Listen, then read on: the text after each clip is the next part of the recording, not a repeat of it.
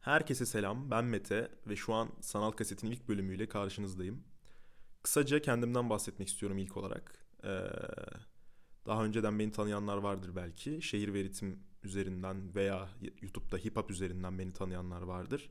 Cenk abi, Cenk Turlu ve Ali ile beraber Şehir Veritim üzerinden ve aynı şekilde Cenk abi ile beraber hip hop üzerinden Türkçe rap hakkında yorumlar yapıyordum eskiden. Şimdi ise kendi kanalımı açmaya karar verdim. Sanal kaseti. Ee, sanal kaset hakkında da kısaca bir bahsedeyim. Sanal kasette e, konuşmaya değer bulduğum şeyleri konuştuğum bir platform olacak. Yani iyi bir albüm çıkmıştır onun hakkında konuşmak isterim. Bir olay yaşanmıştır onun hakkında konuşmak isterim. Farklı konseptlerimiz de olacak e, ileride göreceğiniz. Onlar da e, bence ilginizi çekecektir. Yine Türkçe rap ile alakalı konseptler. Yani bu kanal, bu podcast kanalı daha çok Türkçe rap alakalı içerik ürettiğim bir kanal olacak.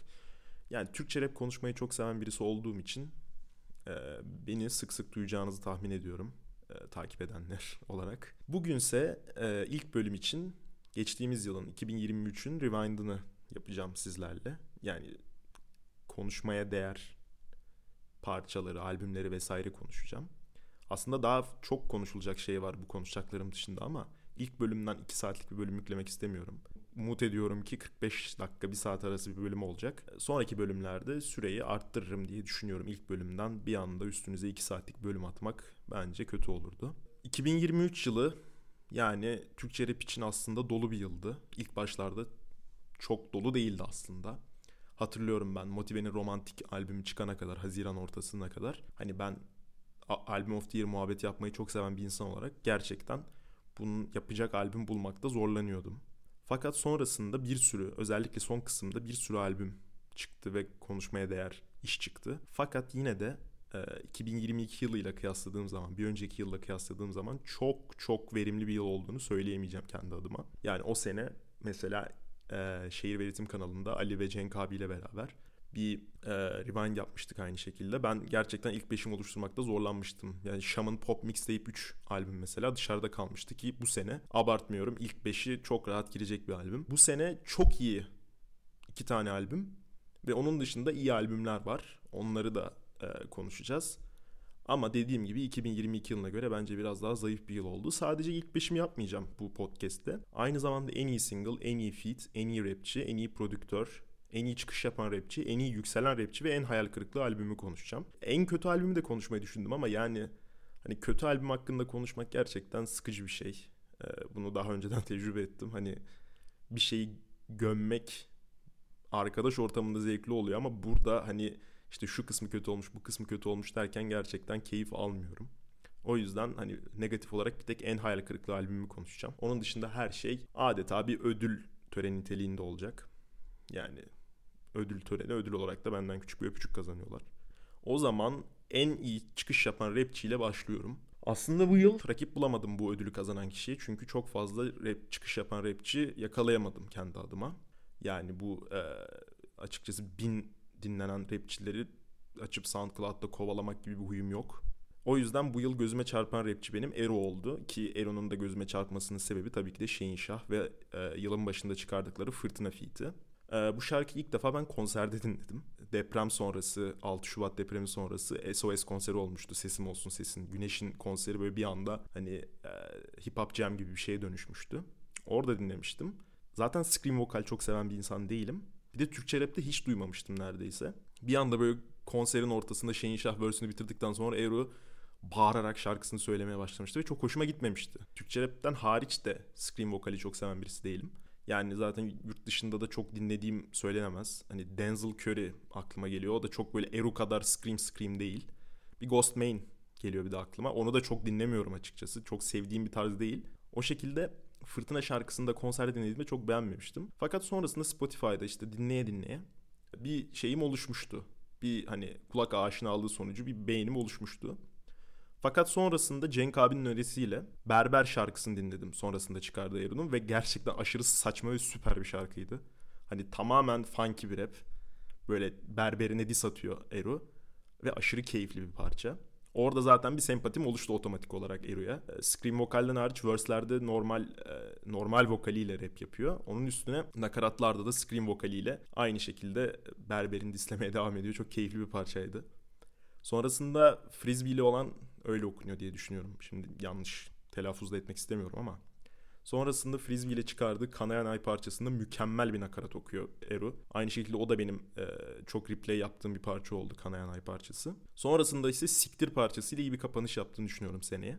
Arada çıkan birkaç tane daha parçası oldu ama onları beğenmediğim için, ya beğenmediğim demeyeyim de bunlar kadar beğenmediğim için ee, çok bahsedemiyorum onların hakkında. Böylelikle yani ilk kez bu sene ilk kez dinlediğim bir rapçiden dört tane beğendiğim parça buldum. Bu gayet iyi bir rakam yani Türkçe rapteki şeyi düşündüğümüz zaman. Ee, şarkıların kalitelerini düşündüğümüz zaman. 2024'te albümü gelecekmiş Erun'un. Adını hatırlayamadım şu an. Görmüştüm bir ara Instagram'ında ama e, ismini hatırlayamadım. Onu da dört gözle bekliyorum yani. Bence güzel bir albüm olacak. Bu yıldan benim e, repertuarıma giriş yapan en iyi rapçi Ero oldu. Sonrasında en iyi yükselen rapçiye geçiyorum. En iyi yükselen rapçiye iki kişiyi koydum. Birisi direkt birinci sıra. ikinci sıraya da koymak istedim çünkü hakkında konuşmak istiyorum. Benim için bu yılın en iyi yükselen rapçisi Alizade oldu. Yani şu an bu podcast'i dinleyen kitlenin nasıl bir kafa yapısında olduğunu az çok tahmin ediyorum. Pek Alizade'yi sevdiklerini düşünmüyorum. Fakat bence Alizade gerçekten iyi bir müzisyen ve Latin Virgin bence iyi bir albümdü. Ya kısaydı hani hatta EP denebilecek kadar kısa bir albümdü. Ama içinde 3 tane çok güzel parça vardı bence. Affedersin şu an ve estağfurullah. Yani bir Sagopa Kajmer lirisistliği yoktu tabii ki de. Ama açtığım zaman keyif alarak dinlediğim, çok keyif alarak dinlediğim 3 tane parça verdi bana Alizade. Aynı zamanda sonrasında çıkardığı single'ları da çok severek dinledim ben. Trip attım vesaire. Hatta 2023'te 2022'de e, çıkardığı parçalardan da hala dinlediklerim var. İşte bu sene hatta çıkardığı Begeli 24-7 vesaire. Ya bence Alizade çok güzel bir ivme yakaladı. Çok güzel yükselişte. Ben kendisinin şarkılarını da çok beğeniyorum. Bakalım. Yani benim için bu yılın en iyi yükselen rapçisi Alizade'ydi. Umarım bu şekilde devam eder ve bize böyle keyifli parçalar vermeye devam eder. Bir sonraki dediğim isim hani e, ikinci sıra. Bu Alizade kadar olmasa da en iyi yani güzel bir yükseliş yapan rapçi bence Batu Flex. Ee, Batu Flex benim için gerçekten hani vek bir MC'ydi ee, geçtiğimiz senelerde. ilk çıkışları işte amcalar geldiğindeydi sanırım şarkının adı vesaire. O Label C5 ile ikisinin sürekli feat üstüne feat bastığı dönem. Benim Batu Flex'e çok kanım kaynadığı söylenemez. Kötü bir rapçi olarak görüyordum. Ee, ve bakışım bu senenin başına kadar aynıydı. Sonrasında Randuman isimli bir parça çıkardı. İyi bir parçaydı ama aşırı dikkatimi çekmedi açıkçası yani. Hani dinledim ve okey güzelmiş dedim geçtim. Ondan sonra sahibinden isimli parçayı çıkardı. O bence daha iyiydi. Ya yani yakalayan bir e, flow'u vardı. Nakaratı gerçekten insanı yakalıyordu. Hani açıp dinliyordum sürekli o nakaratı. E, bu şekilde giderken ki bu ikisinden sonra da şey olmadım hani bu adam ulan ne yükseliyor vesaire falan diye düşünmedim. Sonrasında yazın Asosyal isimli bir parça çıkardı Batuflex. Ve hani gerçekten ben o şarkıyı ilk dinlediğimde şok oldum. E, hip hop'ta haftalık yeni çıkanları konuşuyorduk o dönemde biz Cenk abiyle Cenk Durlu'yla. O dönem e, işte saat 12 oluyor şarkılar çıkıyor ben açıyorum dinliyorum. Cenk abi onun öncesinde bana bir liste hazırlıyordu Spotify'dan e, çalma listesi. İşte bu hafta çıkan ve konuşacaklarımız diye. Neyse ben böyle rastgele almışım elime telefonu arkadan da şarkılar çalıyor.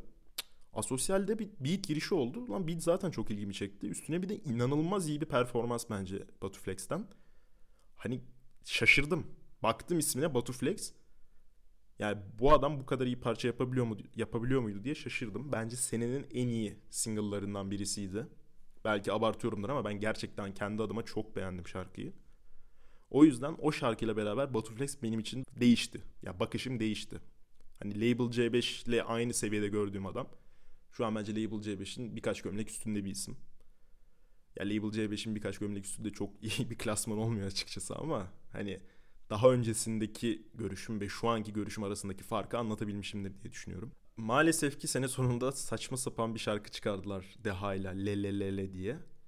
Ya bir kere dinledim beğenmeyerek hiç beğenmeyerek kapattım. Ama dediğim gibi bu randuman sahibinden ve asosyal ile yani Batuflex gözümde inanılmaz bir saygı kazandı.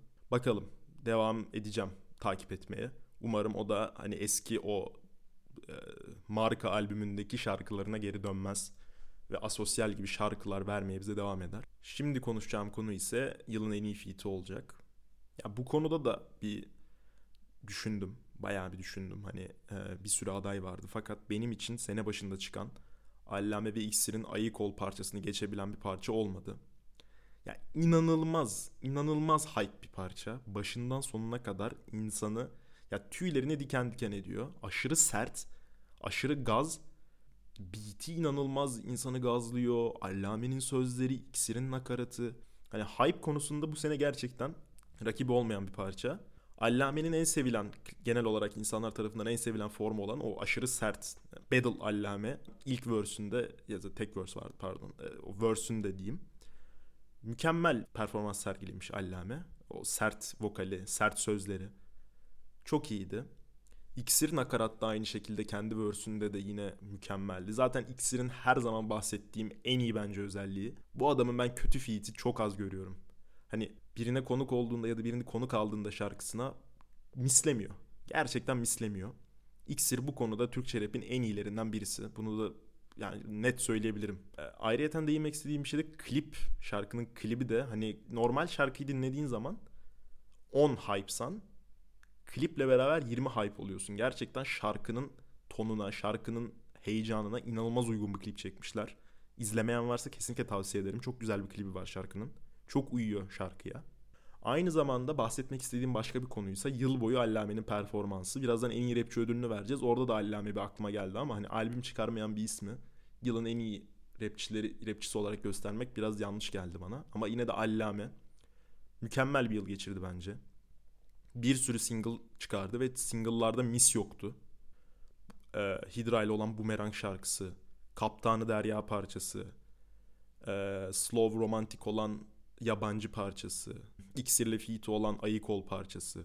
Gerçekten çok iyi bir sene geçirdi. Aynı zamanda Beat Tape dinlemeyi sevenler için Evil Voice Beat Tape diye bir Beat Tape çıkardı. O da çok iyiydi.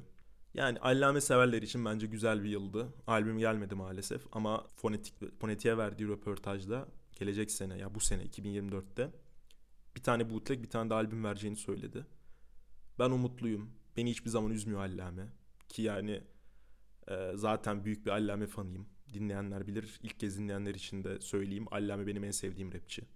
Beni üzmekte başarısız bir isim yani. Asla üzemiyor. Ben her türlü dinliyorum Allame'yi. Ve bu albümünü de beğeneceğime eminim. Ama aynı zamanda ben bu yıl herkesin de beğeneceği bir albüm bırakacağını düşünüyorum e, diskografisine. Bakalım göreceğiz. E, şimdi geçeceğim konu ise e, yılın en iyi prodüktörü. Burada da iki isme gideceğim. Yine birinci sıra, ikinci sıra. Yani ikinci kişiden de, kişiden de bahsetmek istiyorum. Çünkü o da mükemmel bir yıl geçirdi. Ama birinci sıramda kesinlikle Pango var. Ee, sadece Motive'nin romantik albümünü çıkarmış olsa bile en iyi prodüktör olacaktı benim için. Mükemmel bir prodüktörlük. Albüme geldiğimizde de konuşacağız. Sadece bu albüm değil. Heyecan ve Muti'nin Hermano albümündeki benim beğendiğim parçaların hepsinde Pango prodüktörlüğü var. Ondan sonra e, Savana içinde Hefe olsun, Barbie Beckham onların fitlerini olsun verdiği prodüksiyonlar da çok iyiydi. Sene başında Kayra ile Red Bull 64 Bars'da verdiği beat de çok iyiydi. Yani gerçekten e, yıllardır zaten geliyordu Pango. Hani yavaş yavaş yükseliyordu. Ve artık Prime'ı demek istemiyorum çünkü belki ilerisinde bize daha da güzel şeyler dinletecek ama net bir şekilde söyleyebilirim ki Prime bu değilse bu adam Türkçe rap'in en iyi prodüktör olmaya aday bir isim. Bir diğer isim ise ikinci sıradaki isim en iyi prodüktör klasmanında ikinci sıramda olan isim Ulaş.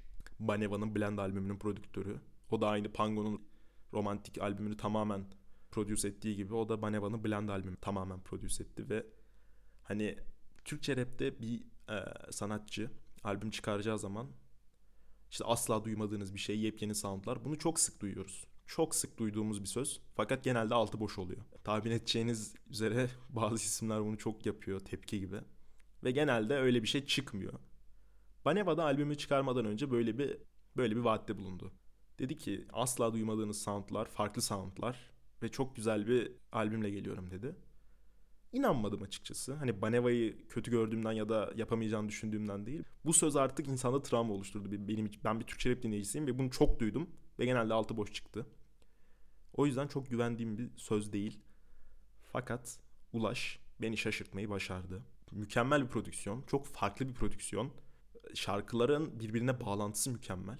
Farklı bir prodüksiyon yaratmak, bir kendine ait bir onu o beat'i duyduğumuzda bu ulaşım beat'i demelik bir prodüksiyon yarattı kendine Blend albümüyle beraber. Ve çok iyiydi beatler. Hani farklı olmasının yanı sıra iyilerdi.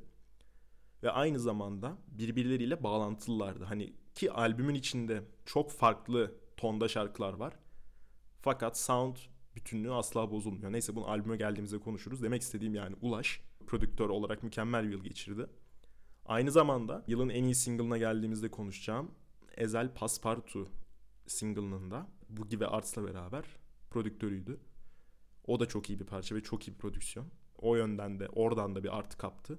Ulaş için de çok güzel bir yıldı. Şimdi yılın en iyi single'ına geçiyorum. Aynı şekilde yılın en iyi single'ında da iki tane adayım var. İki tane adayım değil de sıralama var. Bir ve iki diye. Birinci Ezel Paspartu'ydu benim için. Şimdi Ezel apayrı bir konu. Bunun hakkında bir podcast çekmek istiyorum. Ezel hakkında konuşmak istiyorum. Çünkü gerçekten tartışılmaz bir şekilde Türkçe rap tarihinin en iyi rapçilerinden biri. Bunu bence tartışmaya açık bir konu değil. Etkisi olsun, şarkıları olsun. Hani hangi yönden alırsanız alın. Mükemmel bir rapçi. Fakat aynı zamanda inanılmaz controversial bir isim. Yaptığı açıklamaları bir kenara koyuyorum. Çıkardığı şarkıların sürekli farklı tarzlarda olması. Yani bir mainstream oynarken bir anda Paspartu gibi daha böyle alt kitle mi diyeyim onlara hitap eden şarkılar çıkarması. Controversial bir isim. Ee, bu sene de aynı şekilde yine farklı farklı tarzlarda benim çoğu benim sevmediğim tarzlarda olmak üzere pofuduk işte şarkılar çıkardı. Fakat aynı zamanda Cool Park ve Paspartu gibi iki tane mükemmel şarkı çıkardı. Cool Park da çok güzeldi fakat Paspartu bence bu yılın en iyi rap performanslarından birisiydi tek şarkıdan düşüneceksek. 3 tane beat switch var şarkıda. 3 tane beat switch beni yoruyor normal şarkılardaki. 3 tane beat switch de zor bulunan bir şey. Yani bir tane beat switch yapanlar çok artık normal bir şey haline geldi yani. Yapmayanı dövüyorlar. 2 tane beat switch hadi neyse. 3 tane beat switch olan şarkıda asla yorulmadım. Çok uzun bir parça. Çok yorucu olması gereken, gereken bir parça. 5 dakikalık neredeyse bir parça. Fakat ben rap dinle benim 4. veya 5. sıramdaydı Ezel Paspartu. Örnek vereyim. PMC Represents the Underground. Çok sevdiğim bir parça fakat ben onu ard arda iki defa dinleyemem. Ya da bir kere dinlediysem bir sonraki dinleyişim bir ay sonra falan olur. Ama Ezel'in Paspartusu neredeyse işte o şarkıyla aynı süre ve aynı e, komplikeliğe sahip olmasına rağmen çok sarıyor. Yani asla yormuyor. Aynı zamanda prodüksiyon olarak mükemmel. Zaten beat switch'lerden bahsettim fakat o beat, e, 3 beat'in de kalitesi mükemmel. Boogie, Arts ve Ulaş'a buradan respect. Ya bu ile Arts'ı zaten biliyoruz hani belki de şu an piyasanın en iyi isimleri. Ulaş da aynı zamanda kafasını çıkardı. Yani artık piyasada bir iş çıktığı zaman hmm, Ulaş yapmış hadi dinleyelim diyeceğimiz bir isim haline geldi. Ee, Ezel Paspartu'dan sonra bence yılın en iyi single'ı Shah'ın Kyoto Geisha single'ıydı, şarkısıydı. Ee, Shane Shah 2023 sonunda ve pardon 2022 sonunda ve 2023'ün başında inanılmaz üretkendi. Haftalık şarkı salıyordu. Artık bir süre sonra biz birbirimize şey diyorduk ya yeter hani bir duraksasın çünkü artık biraz bozmaya başlamıştı. Çoğu çok güzeldi. Mükemmel işlerdi zaten şeyin şeyin kalitesinden konuşacak halimiz yok burada ama. Hatırlıyorum Cashflow ile olan Maymunlar Cehennemi'ydi sanırım şarkının adı. O şarkıdan sonra biz şey demiştik yani. E, yeter artık hani biraz da dinlen. Çünkü çok fazla ardarda arda şarkı çıkardı. Her hafta şarkı çıkaran bir ismin her şarkısında dinleyemezsin belki de. Biz dinleriz fakat daha e, takip etmeyen dinleyici diyeyim dinlemez. Kendisi 2024 yılında bir albüm salacağının haberini verdi. Ki bence albüm salmadan önce de single'larla, sonrasında belki single'larla. Bence 2024'ü yine aynı şekilde dolu dolu geçirecek şey inşa. Neyse şarkıya dönüyorum. Mükemmel bir beat yine aynı şekilde. Kotard e, şarkının prodüktörü. Ona da yani tebrik ediyorum. Mükemmel bir beat. Beat'ten ziyade bence asıl olay Shane beat'in üstünde dans ediyor olması. Bunu bazı şarkılarda söylüyorum. Mesela Baneva'nın 64 bars, 64 bars performansı. O da beat'in üzerinde dans ediyordu. Mesela Shane Kyoto Geisha şarkısında beat'in üstünde dans ediyor. Mükemmel bir flow. Çok sarıyor şarkı. Beat çok güzel. Shane Shah'ın beat'le uyumu. Beat'e uydurduğu flow. Gerçekten çok güzel bir şarkı. Güzel bir söz yazımı da var aynı zamanda. Anlamlı demiyorum ama uzak doğu, Japon temasını çok güzel işliyor Shane Shah bu şarkıda. Öyle yani. Ee, Shah'ın Kyoto Geisha şarkısı da bence yılın en iyi single'larından birisiydi. O zaman en hayal kırıklığı albüme geçiyorum yılın. Vereceğimiz tek kötü ödül. Farazi ve Çağrı Sinci'nin Zaman Sinekleri albümü bence hayal kırıklığı bir albümdü. Kendi adıma. Çok hype'lı olduğum söylenemez bu albümle alakalı. Çağrı Sinci fanı demem kendime. Yani bazı şarkılarını çok beğenirim. Çok saygı duyduğum bir isim kesinlikle. Fakat bir dinleyici olarak ben Çağrı hani çok ısındığım bir isim değildi. Fakat Farazi ve Çağrı ismini gördüğümde bir heyecanlandım. Yani zaten yıllardır Farazi her sene albüm çıkardığında o yılın en iyi albümlerinden birini çıkarmış oluyor. Geçen sene Red Wine Kilaz Trakya Manevraları albümü olsun. Ondan önceki sene Sorguyla olan 90 Nesli albümü olsun. Yani Farazi'nin prodüktörlüğü yanında kim olursa olsun bunu yanındakileri kötümsemek amacıyla söylemiyorum kesinlikle. Fakat Farazi yanındaki rapçiyi çok yükselten bir isim. E, fakat Çağrı de bence bu işe yaramamış. Bunda Farazi'nin de etkisi var. Çok beğendiğim söylenemez beatleri. Asla bir 90 nesli veya Trakya manevraları gibi beatler yok bu albümde. Zaten şey falan hiç girmiyorum. Hayrat Islığına vesaire hiç girmiyorum da hani son yıllarda çıkmışlardan bahsediyorum. Bence Farazi'den de sönük bir performans. Çağrı Sinci'den de aynı zamanda sönük bir performans gördüm. Üç tane çok iyi parça var bence. Gerçekten yılın en iyi parçaları arasına alabileceğim parçalar. İstanbul's Finest bence albümün en iyi şarkısı. Sağlam, şamlı olan feat. Böyle çok güzel bir boom bap. Ardından Placebo. O da çok güzel bir parça bence. Fakat kalanı skip. Gerçekten kalanında hiçbir şarkıyı listeme ekleyemedim. Yani çok iyi 3 tane parça. Kalanı orta seviye veya kötü parçalar bence. Maalesef ki beğenemedim ki çok güçlü isimler vardı feat listesinde. Belki onlar onlarla beraber yükselebilirdi albüm. Fakat onların da performansını beğenemedim. Raziel olsun uzun zamandır duymadığımız bir isim. Sansar Salvo olsun. Yani duyduğumuz bir isim fakat son yıllarda göze batan bir işini görmemiştik. Belki Farazi ve Çağrı Sinci ile beraber çok güzel bir iş dinlerim diye girdim. Onu da beğenemedim. Yani öyle ki bence yılın en hayal kırıklığı albümü Farazi ve Çağrı Sinci'nin Zaman Sinekleri albümü oldu. Geliyorum albümler öncesi son konuşacağım ödüle. Ee, bence bu yılın en iyi rapçisi. Bu ödülü alacak kişi Motive oldu. Ee, albüm dışında çok üretken bir yıl geçirdiği söylenemez. Motive biz genelde single'larıyla biliyoruz. Yani single'larıyla öne çıkan bir isimdi.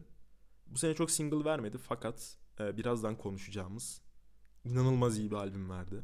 Verdiği single'lar da kötü değildi. Hatta iyiydi. Gospel bence o haşlı olan feat'i. E, o haşın kısmını çok beğendiğim söylenemez. Fakat Motive bence o şarkıda çok başarılıydı. Aynı zamanda Uğur Öztürk'ün e, single'ında Hefe ile olan yan yana feat'i o da çok güzeldi. Ama dediğim gibi bu yılın Motive'nin en büyük başarısı tabii ki de romantik albümüydü. Bir diğer başarısı ise konser performansı. Yani hiç TikTok'ta geziniyor musunuz bilmiyorum. Kasım'dı galiba. Kasım'da yaptığı Volkswagen Arena'daki konserinin kaç tane kesitini izledim hiçbir fikrim yok. Ben hiçbir konserin ardından bu kadar video, bu kadar şöyle iyiydi, böyle iyiydi yorumu gördüğümü hatırlamıyorum.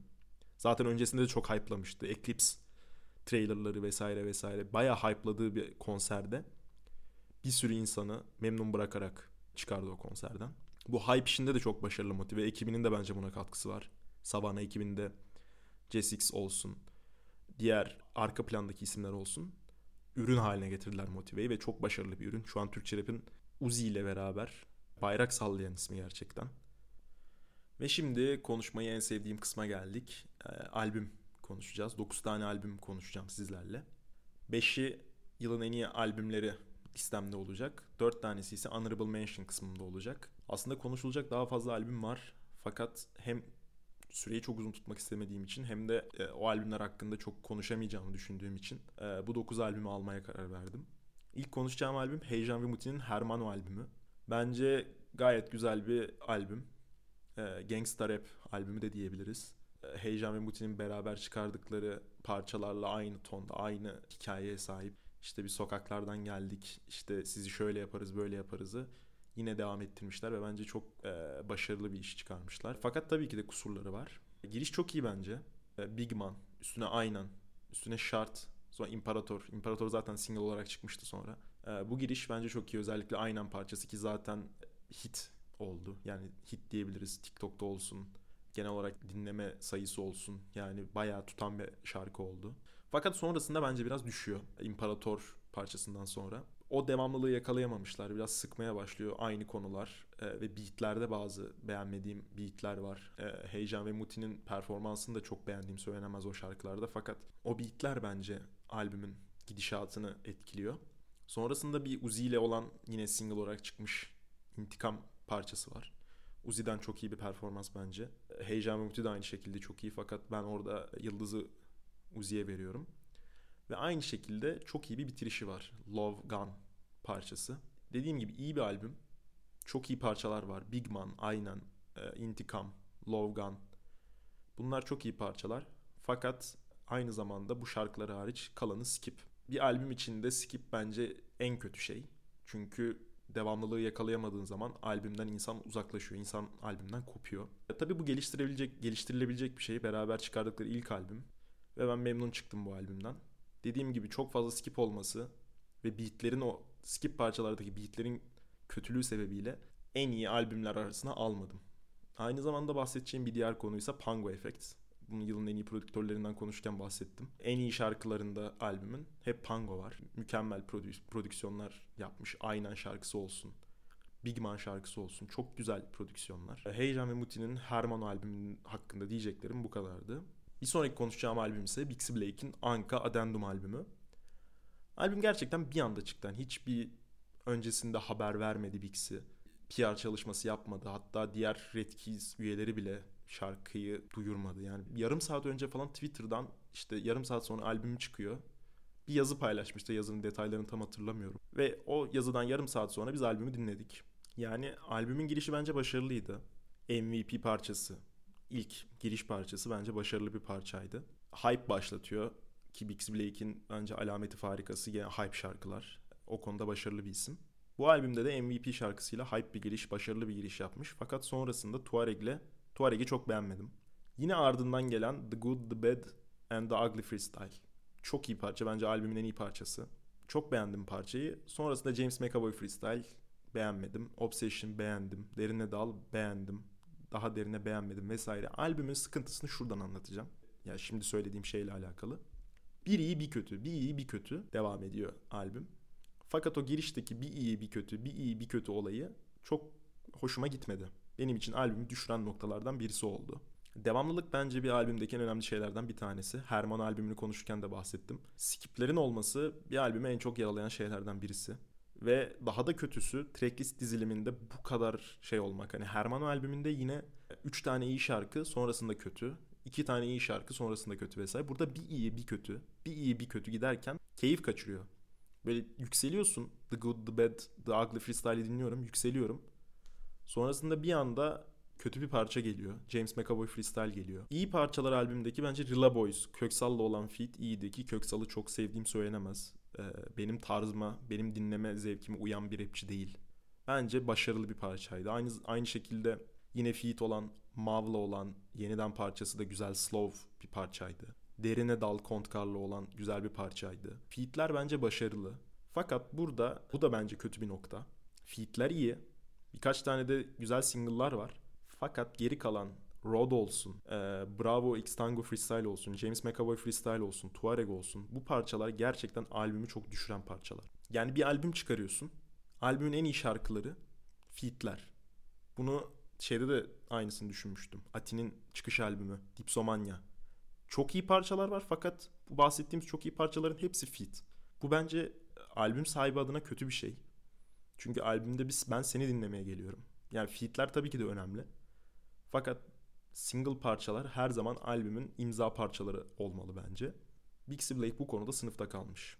Bu albüme dair yorumum da bu. Çok beğendiğim bir albüm olmadı. Kesinlikle ilk albümü, Anka albümü daha iyiydi. Bilmiyorum kendisi de mi bu albüm hakkında çok iyi düşünmüyordu? Bir sözleşme dahilinde mi çıkardı bu albüm? Çünkü dediğim gibi bir anda geldi albüm. Sıfır PR, sıfır haber. Yani çıkmadan yarım saat önce Twitter'da bir yazı paylaştı ve sonrasında albüm saldı. Kendisi de belki bu albüm hakkında çok iyi düşünmüyordu. Yani başarısız bir albümdü bence. Sıradaki albüm e, Mod Lotus albümü. Lotus albümü benim bu yıl en çok beklediğim albümlerden biriydi. Fakat bu albümü bu yıl en çok beklediğim albümlerden birisi demek aynı zamanda yanlış bir söylem oluyor. Çünkü bu albüm uzun zamandır beklenen bir albüm piyasada dinleyiciler tarafından.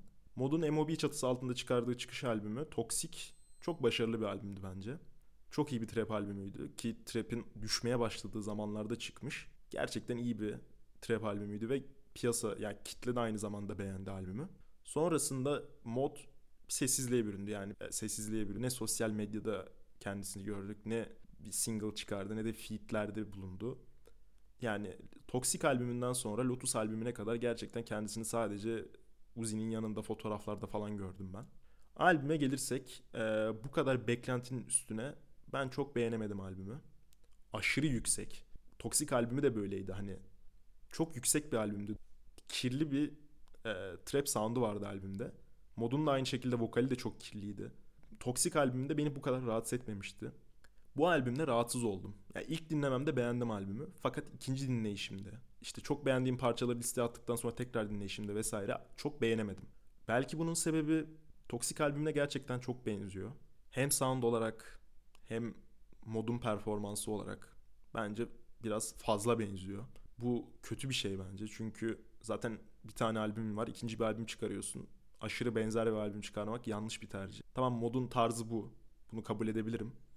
Ama biraz da farklılık görmek istiyor insan.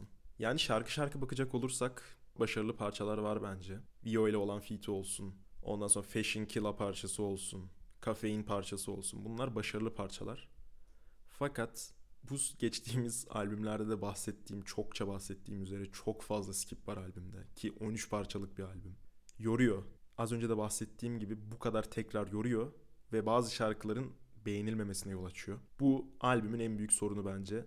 İlk albümün tekrarı olmasından sonra bu albümün bence en büyük sorunu çok fazla skip olması. Bir sonra konuşacağım albüm Uzi'nin Youngsta albümü. Bu albüm aslında bayağı başarılı bir albüm bence. Yani en iyi albüm arasına almayı düşündüm. Fakat birazdan konuşacağım albümleri daha başarılı buldum. İlk olarak Uzi hakkında konuşmak istediğim şey Uzi'nin yanlış imajı. Bunun hakkında bir podcast çekmeyi düşünüyorum. Çünkü gerçekten hakkında uzun süre konuşulacak bir şey. Uzunca konuşulacak bir şey. Yani maalesef ki Uzi'nin yanlış bir imajı var piyasada. Yani Kervan gibi işte ne bileyim e, Caney gibi çok tutmuş hit parçalarını Uzi'nin bütün parçaların böyle olduğunu düşünüyor insanlar. Fakat Uzi'nin nispeten daha az dinlenen şarkıları çok daha başarılı parçalar ve Uzi gerçekten başarılı bir rapçi bence. Youngsta albümüne gelecek olursak gayet iyi bir albüm. Çok başarılı parçalar var. İlerle parçası benim bu yıl e, en çok dinlediğim şarkılardan birisi oldu. Aynı şekilde Mufasa, Ağzı Bozuk, Gucci Bag, bir numara heyecanlı olan feat. Çok başarılı şarkılar var. Fakat bu albümde de yabancı featler sorunu var.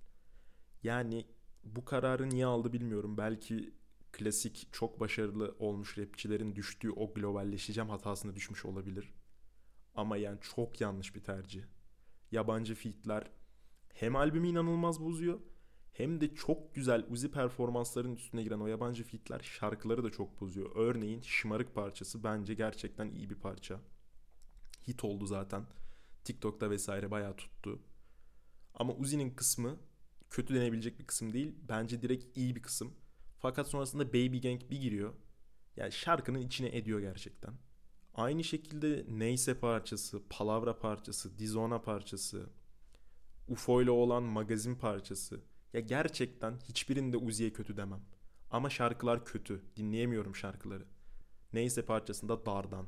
Palavra parçasında Unknown T. Dizona parçasında Raf Kamora magazin parçasında UFO. Ne gerek vardı? Gerçekten çok yanlış bir tercih. Çok güzel olabilecek bir albümü, gerçekten yılın en iyi albümlerinden biri olabilecek bir albümü bu hale getirmek yanlış bir tercih. Evet, geldik yılın en iyi albümlerine. Benim 5. sıramda Dipnot ve Yeg'in Oratorio albümü var. Geçtiğimiz senenin ya 2022'nin sonunda çıkardıkları Avantgard Servet Düşmanı albümü de çok başarılıydı. Fakat bence Oratorio daha da iyi bir albüm olmuş Dipnot ve Yeg'in diskografisinde. Dipnot ve Yeg hakkında söylemem gereken bir şeyse aktif bence en iyi duolardan.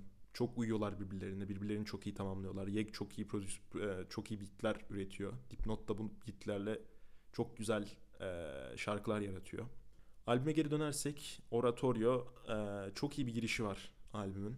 Direkt Oratorio parçasıyla beraber zaten. Sağlam bir giriş yapılıyor. Ardından Kalabalıktan bir ses yine çok başarılı bir protest parça. Yani zaten çok nadir görmeye başladık protest parçaları Türkçe rapte. Ee, sadece belirli isimlerden görebiliyoruz. Dipnot'ta bunlardan birisi ve bence bu işte en başarılı diyebilirim. Çünkü diğer isimlere baktığım zaman ben Köst'ün rapini çok beğenen bir insan değilim ya da Saya'nın protestini çok beğenen bir insan değilim. Dipnot onlara kıyasla çok daha başarılı bu konuda. Ee, aynı şekilde Cennet albümün bence direkt en iyi parçası. Yılın da en iyi şarkılarından olduğunu düşünüyorum. Storytelling açısından inanılmaz başarılı bir parça. Anlattığı şeyler zaten bir sürü konuya değiniyor. Ve bu konuları çok başarılı bir şekilde aktarıyor. Beat'i de çok güzel. Dipnot da üstüne çok güzel okumuş. Bir diğer öveceğim konu feat seçimleri çok iyi.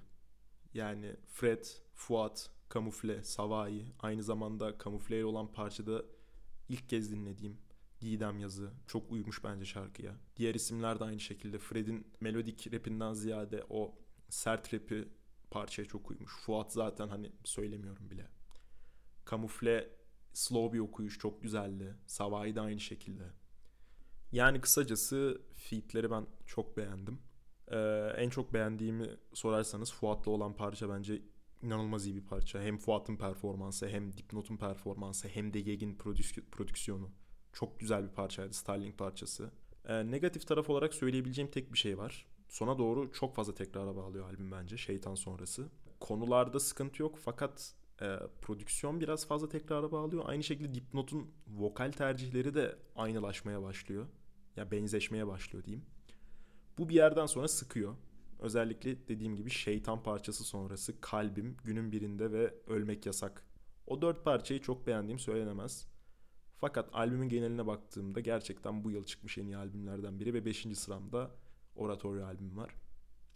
4. sıramda ise Kontkar'ın Pembe albümü var. Albüm gayet iyi. Hatta çok iyi. Kontkar'ın diskografisine baktığımız zaman yüzden sonraki en iyi albümü diyebilirim.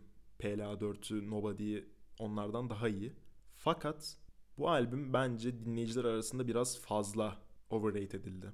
Çıktığı geceyi hatırlıyorum. İnsanlar ilk dinleyişten yılın albümü, yılın albümü diye şey yapmaya başladı. Bunu bu, bu arada eleştirdiğim kısım bu değil. Yani bu yapılabilen bir şey. Ben de bazen direkt böyle şey yapabiliyorum. Çünkü hani çok iyi bir albümden çıktıktan sonra insan gerçekten hiç diğerlerini düşünmeden direkt oha ne albümmüş bu bence yılın en iyi albümü, tarihin en iyi albümü vesaire. Bu benim de yaptığım bir şey. Ama bu sonrasında da devam et. Bu albüm dediğim gibi çok iyi fakat bir, birazdan konuşacağım ilk iki albümün yanına yaklaşabilecek bir albüm değil. Giriş inanılmaz. Ee, ilk üç şarkıyı dinleyip sonra kapatsaydım büyük ihtimal ben de o hype trenine katılabilirdim. Kamber, Ne Olacak ve Kime Ne iki parçasından sonra albümü kapatıp Twitter'a girseydim az önce bahsettiğim kişilerden çok daha fazla överdim. Fakat dediğim gibi bu üç şarkıdan sonra düşüş başlıyor. Kas parçasına kötü bir parça diyemem. Fakat Kamber ne olacak kime ne iki seviyesinde bir parça değil. Ardından gelen bir saniye parçasını ben çok beğenmedim. Sonrasında Million Way yine beğenmedim. Sonrasında yine yükseliyor. Kesin kan sporu, ham, flip. Bunlar yine iyi parçalar. Fakat o dediğim ilk giriş kadar etki etmedi bende. Ham özellikle benim albümde en çok beğendiğim parçalardan birisi oldu. Çok orijinal bir parça, aşırı sarıyor. Kontkar yine alameti farikasını hem bu parçada hem de genel olarak albümde konuşturmuş. Alameti farikası bence Kontkar'ın vokal. Yani bir albümde bir insan kaç kere farklı vokal kullanabilir. Kontkar bunu hep yapıyor. Sadece albümlerde değil. Örneğin e, Lil Zey ile olan Gözyaşı Rhapsody iki parçasıydı sanırım. O parçada da 5-6 farklı vokal kullanıyordu. Bu gerçekten Kontkar'ın alameti farikası ve bunu çok iyi yapıyor. Çok başarılı bu konuda ve bu albümde de bunu fazlasıyla görüyoruz. Özellikle Kesin, Ham, Flip, Kuşku Duyanlar orijinal parçasında fazlasıyla görüyoruz. Ee, bu dediğim yükseliş kesinle başlayan kan sporu, ham, flip sonrasında devam eden yükselişten sonra Torba şarkısını ben yine beğenmedim. Ya albüme hiç uymamış. Beat olarak hiç uymamış. Zaten beat kötü olduğu için Kontkar'ın da performansını çok beğenemedim. Güzel bir başlangıç, çok iyi bir başlangıç. Ortada hafifçe düşüyor. Sonra tekrar yükseliyor. Ama kapanışı yine beğenemedim. Kuşku Duyanlar orijinali yine daha iyiydi Torba'dan. Ee, albümün genel havasına yine uyduramadım. Torba ve Kuşku Duyanlar orijinal parçası. Benim için albümü düşüren iki şarkı oldu ortadakilerle beraber. PLA 4 sonrası Kontkar hakkında da bir konuşmak gerekiyor bir ara. Benim konuşmak istediğim bir konu. Yani o bildiğimiz Kontkar trap'i artık yok. Yani göremiyoruz onu. Özellikle Pembe albümünde hiçbir alakası yok eski Kontkar'la. Tamamen bir kabuk değiştirmiş. Bence çok iyi yapmış. Tamam çok seviyorum. 100 dönemi Kontkar'ı ardından pardon ondan önce PLA 3 dönemi 100 dönemi Kontkar'ı çok seviyorum. Fakat e, Kontkar gibi inovatif bir isim bunu yapmalıydı bence ve çok iyi başarmış bu konuyu. Pembe albümüyle de bunu perçinlemiş oldu. Zaten öncesinde çıkardığı işte Gözyaşı Rhapsody vesaire o parçalar da farklıydı eski tarzına göre. Pembe albümünde de bunu devam ettirmiş. İleride ge- gelecek şeyler için çok heyecanlıyım ben Kontkar adına. Bence Pembe'den de daha iyi şeyler gelecek bu yeniliğine devam ederse. Çünkü bir tarz yakalamış Pembe albümüyle beraber. Bence bunu devam ettirmesi lazım. Gelelim 3. sıradaki albümümüze. Yani Kontkar'ın Pembe albümünü mü 3. sıraya koysam yoksa bu albümü 3. sıraya koysam bilemedim. İkisi bence çok yakın birbirine şey anlamında, iyilik anlamında diyeyim. Yani çok farklı albümler tabii ki de. Uzaktan bir baktığım zaman kalite şey olarak, seviye olarak, iyilik olarak baktığım zaman bence birbirlerine çok yakın. Üçüncü sıradaki albümüm Kayra'nın Ömrümün Son Güzel Günleri albümü. Bence bir çıt daha iyi Kontkar'ın albümünden. Ve bunun etkisinin ben prodüktörde daha fazla olduğunu düşünüyorum. Prodüksiyonunda diyeyim. Yanlış oldu. Yani fonetik mükemmel bir performans sergilemiş. Onu da aslında yılın en iyi prodüktörler arasında söyleyebilirim. Çok güzel bir prodüksiyon. Albüm boyunca. Farazi'ye çok benzer. Ama zaman sinekleri farazisi değil. O çok sevdiğimiz hayalet ıslığı, işte 90 nesli albümündeki farazi performansına çok benzer bir e, performansı var fonetiğin. Bunu da Cenk abi söylemişti. Kesinlikle katılıyorum. Yani çok doğru bir yorum. Çok benziyor. Ya beatler mükemmel. E, Kayra'nın performansı bildiğimiz klasik Kayra aslında. Çok büyük farklılık var diyemem. Yani çok sevdiğim bir sanatçının çok sevdiğim bir performansı. Yani benim için iyi bir albüm haline getiriyor bu albümü.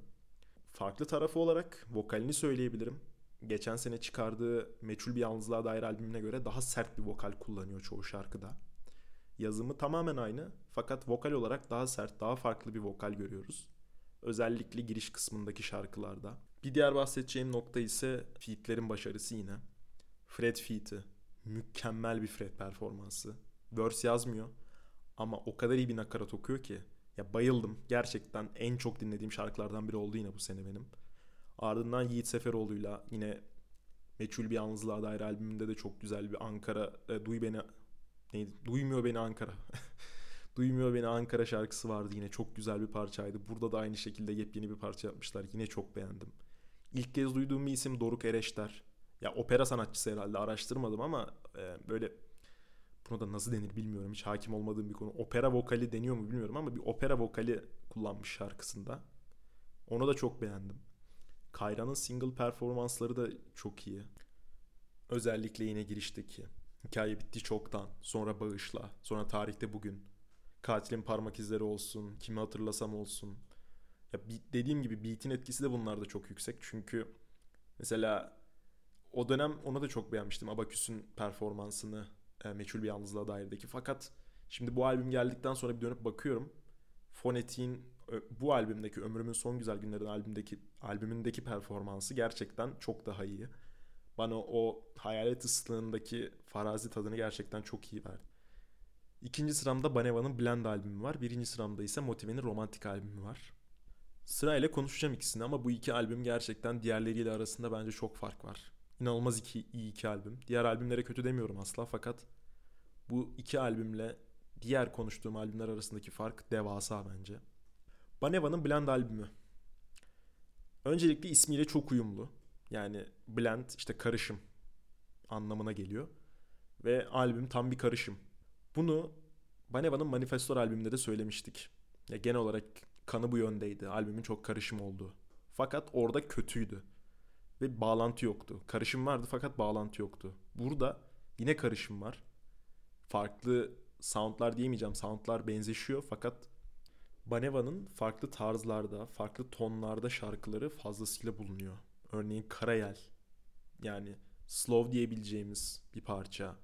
Ardından gelen hemen ilk son. inanılmaz hype bir parça. Ve bence bu bahsettiğim başarı yani farklı tonları, farklı tarzları bu kadar iyi bağlama başarısı Ulaş sayesinde. Albümün prodüseri. Yani prodüksiyon harikası bir albüm. Gerçekten çok iyi bir prodüksiyon var albümde. Az önce de dediğim gibi çok farklı bir prodüksiyon var. Hani Ulaş ya artık bu tarzda bir şarkı duyduğum zaman benim prodüsera bakmama gerek kalmayacak. Diyeceğim ki bu Ulaş. Bu Ulaş'ın prodüksiyonu. O şeyi verdi bana ki bu bir prodüser için bence yakalanabilecek en büyük başarılardan birisi. Dediğim gibi tracklist akışı bir albümün en önemli şeylerinden biri yine aynı zamanda. Çoğu albümün kötüleşmesinin en büyük sebeplerinden birisi.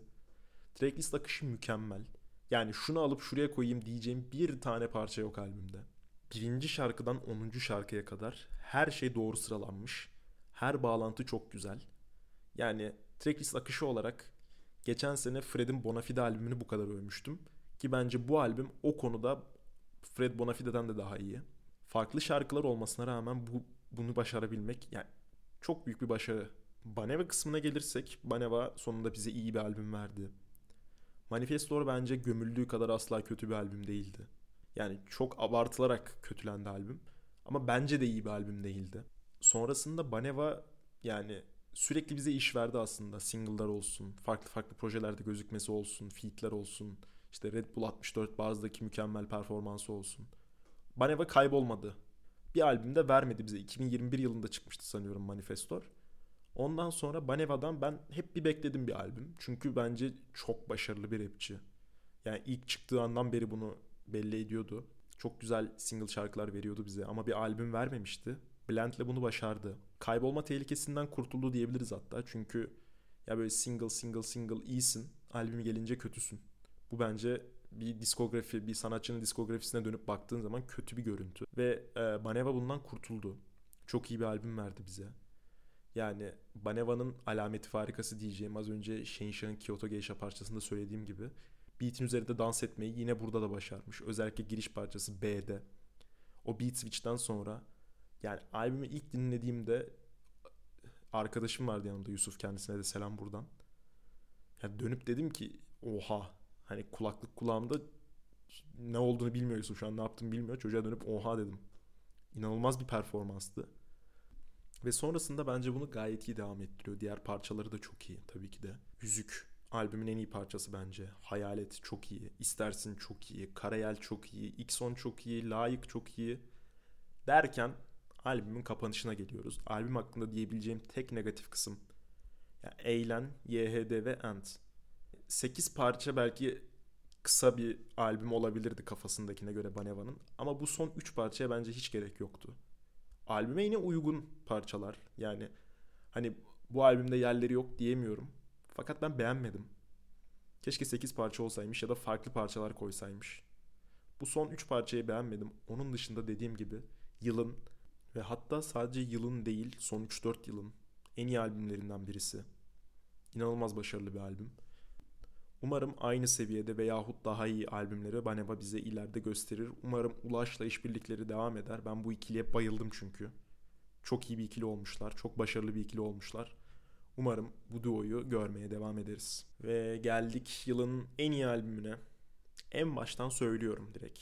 Yılın değil, Türkçe rap tarihinin en iyi albümlerinden birisi bence. Motive'nin romantik albümü. Çıktığı gün Hip Hop kanalına Cenk abiyle beraber bir inceleme çekmiştik biz.